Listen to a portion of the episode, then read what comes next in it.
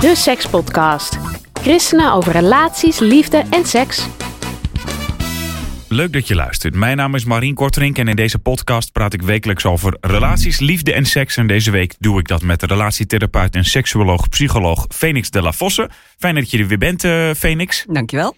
We hebben het over sleur vandaag. En voor mij heeft het woord sleur toch vaak een negatieve ja, connotatie eigenlijk. Ja. Terecht? Ja, ja, kijk, sleur, dat, dat, het heeft bij mij ook de connotatie van, uh, van saai. Uh, niet iets waar je naar uitkijkt, niet iets uh, wat nou zo leuk en gezellig is. Dus ja, het, het, is niet meer zo verrassend.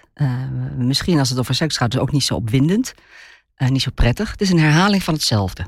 Lang leven de sleur, dat heb ik nog nooit iemand horen zeggen. Nee, precies. Jij schrijft deze week dat er een stel bij je komt. Ze hebben last van sleur. Voor de mensen die de column nog niet hebben gelezen, kan jij hun sleur beschrijven? Want er zijn natuurlijk talloze varianten van sleur te bedenken. Ja, uh, wat ik beschrijf in de column is een, is een stel wat al een hele tijd bij elkaar is. En die dan uh, bij me komen, een beetje met de vraag van... ja, hebben we eigenlijk wel uh, recht van spreken, want we hebben nog seks. Maar aan de andere kant, het is zo ontzettend saai.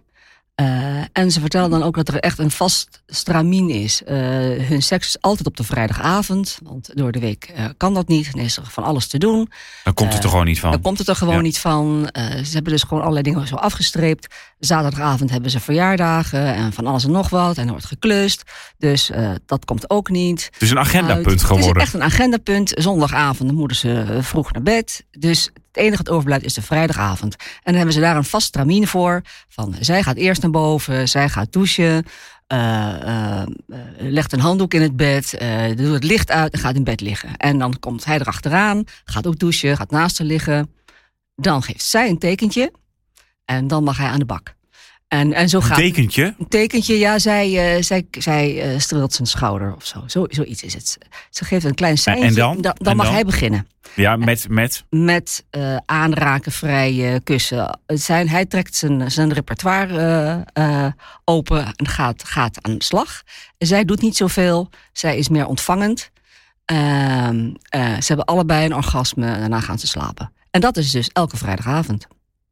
Ja, en ze voelen zich uh, bezwaard ergens om bij jou te komen ook. Ja. Omdat ze denken, ja, wij hebben nog seks. En uh, nou, Ja. we, we komen allebei klaar. We, Ja. Dat heeft lang ook niet iedereen misschien. Nou ja, Precies. En eh, eh, eh, mensen waar, waarbij ze, waarvan ze het weten, die ook al langer bij elkaar zijn, die hebben überhaupt geen seks meer.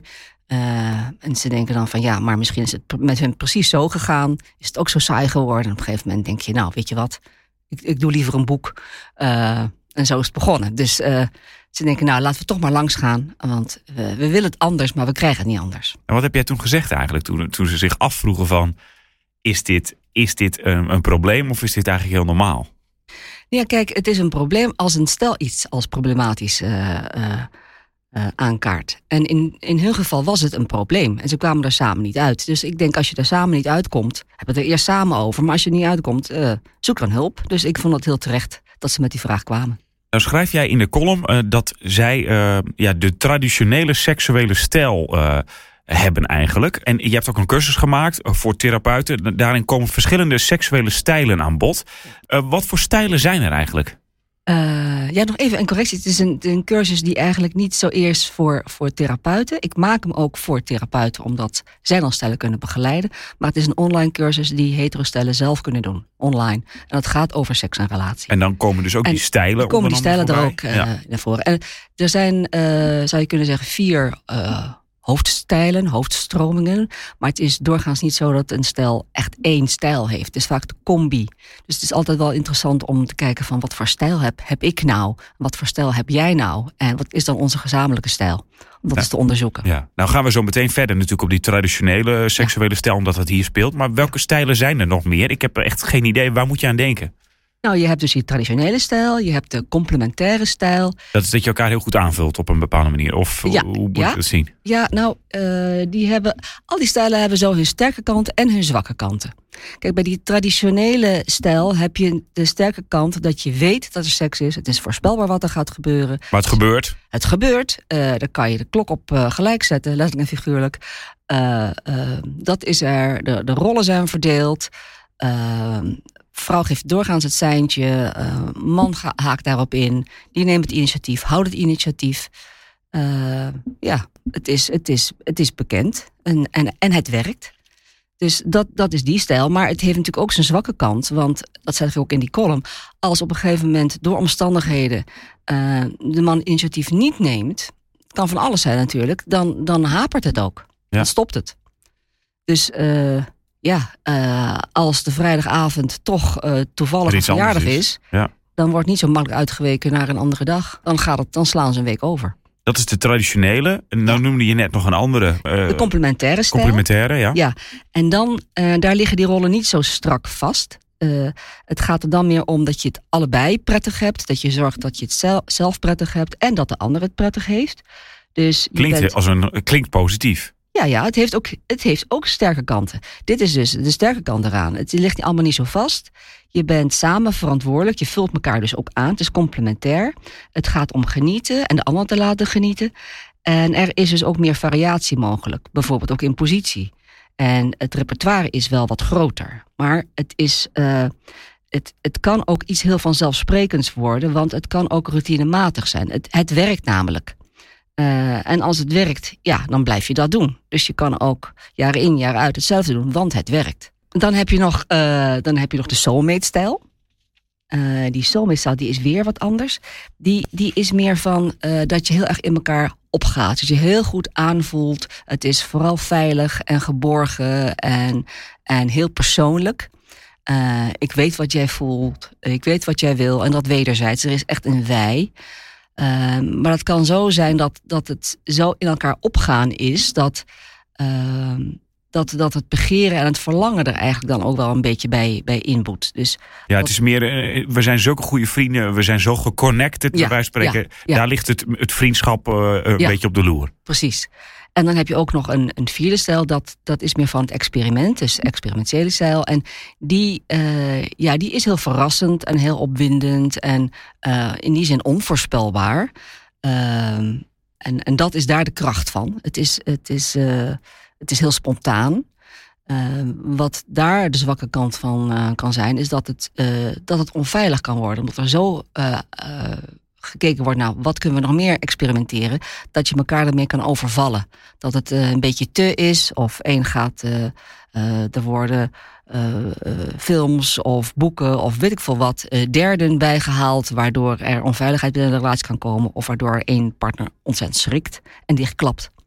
Dus dat kan daar het nadeel van zijn. Heb je die vier stijlen genoemd? Weet je zo wat je stijl is? Of, uh, want, want, ik kan me voorstellen dat, je, dat het ook kan zijn dat je en in, toch een deels soulmate bent, uh, deels houdt van nieuwe dingen doen, uh, deels misschien ook traditioneel, zeg maar. Dat, dat je ook een beetje van alles hebt soms. dat, dat kan. hangt, hangt, hangt er echt wel van af. Het is altijd wel, denk ik, goed om van jezelf te weten van, nou, wat is nou wat ik erg leuk vind? En wat is nou wat mijn partner heel erg leuk vindt? En dat echt goed is van elkaar uh, uit te vragen. En dan te bedenken van wat is dan voor ons beiden leuk?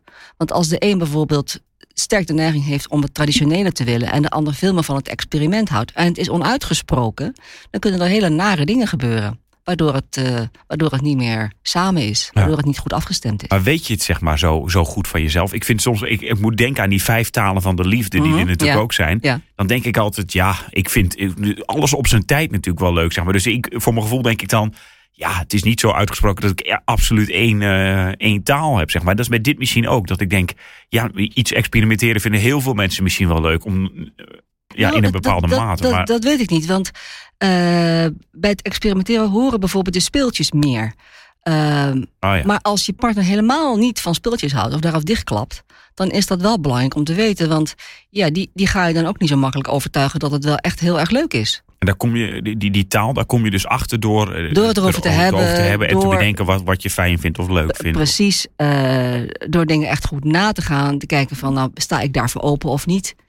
Ja alle, alle stijlen hebben dus zijn, uh, zijn voor- en nadelen. Ja. Even door op deze casus, ja. uh, dit verhaal in jouw column. Uh, de traditionele seksuele stijl. Wat voor concrete tips heb je om, om voor hun dan om die sleur tegen te gaan? Want sleur speelt dan misschien ook snel, snel bij die traditionele stijl. Ja, sleur en saai.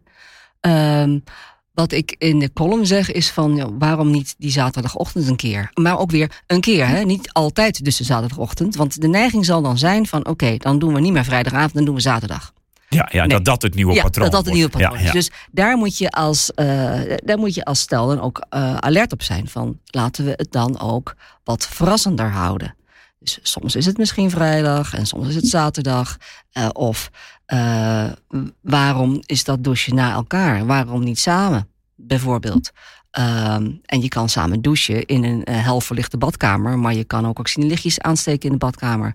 Je kan elkaar ook inzepen, je kan elkaar afsponsen, je kan elkaar uh, scrubben, je kan elkaar afdrogen. Het kan. Uh, um, het, het spel kan um, buiten, buiten de douche beginnen, in de douche beginnen, uh, net achter de slaapkamerdeur beginnen, hoeft niet in bed te beginnen. Maar als ze van die echte traditionele seksuele stijl zijn, dan, ja. dan, in, dan vinden ze dat misschien helemaal niet leuk om, uh, nou, om dat te dus doen. dat of... moet, je, dat moet je voor jezelf en, en met je partner eens nagaan. Zijn we echt van die traditionele stijl? Of, want dit stel vindt het allebei... Of is het gewoon zo gegroeid? Is het zo gegroeid? Dit, dit stel vindt het toch eigenlijk allebei wel saai.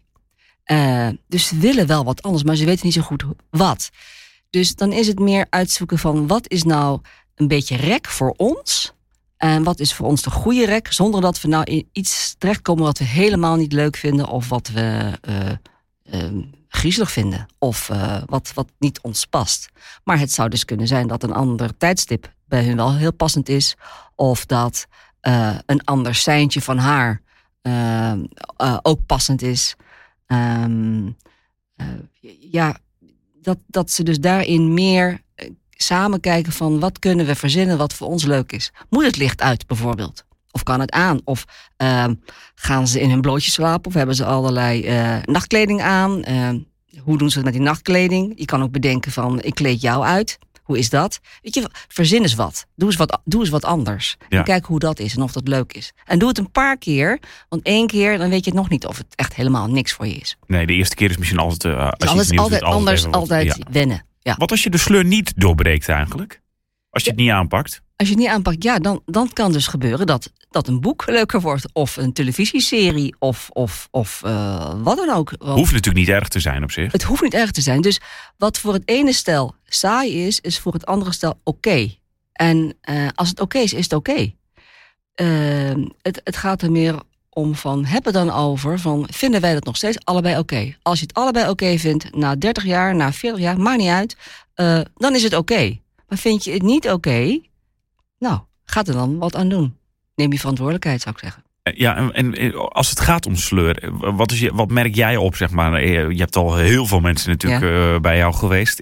Is sleur vaak iets waar mensen eigenlijk uh, wel wat aan willen doen? Of zijn er ook heel veel mensen gewoon oké okay mee wel? Uh, ze willen dat aan doen, maar het is wel makkelijk, hè? Het is, zeker als het een stijl is waarvan je weet van... oké, okay, we hebben seks, laten we het gewoon zo doen. Dan get over it en dan hebben we het gehad voor deze week bijvoorbeeld.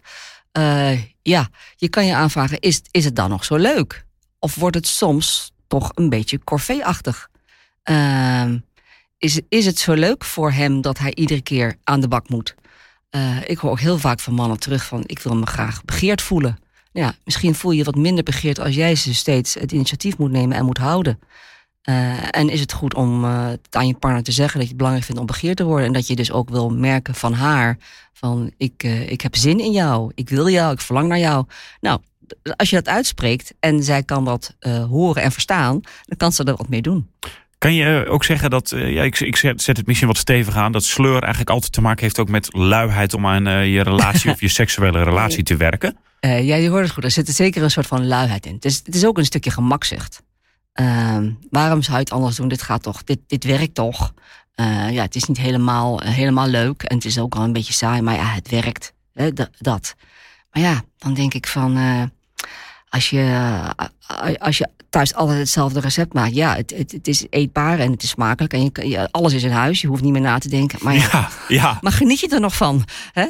Ja, goede vraag. Spice it up een ja, beetje. Ja, precies. Um, is het moeilijk om sleur te doorbreken eigenlijk?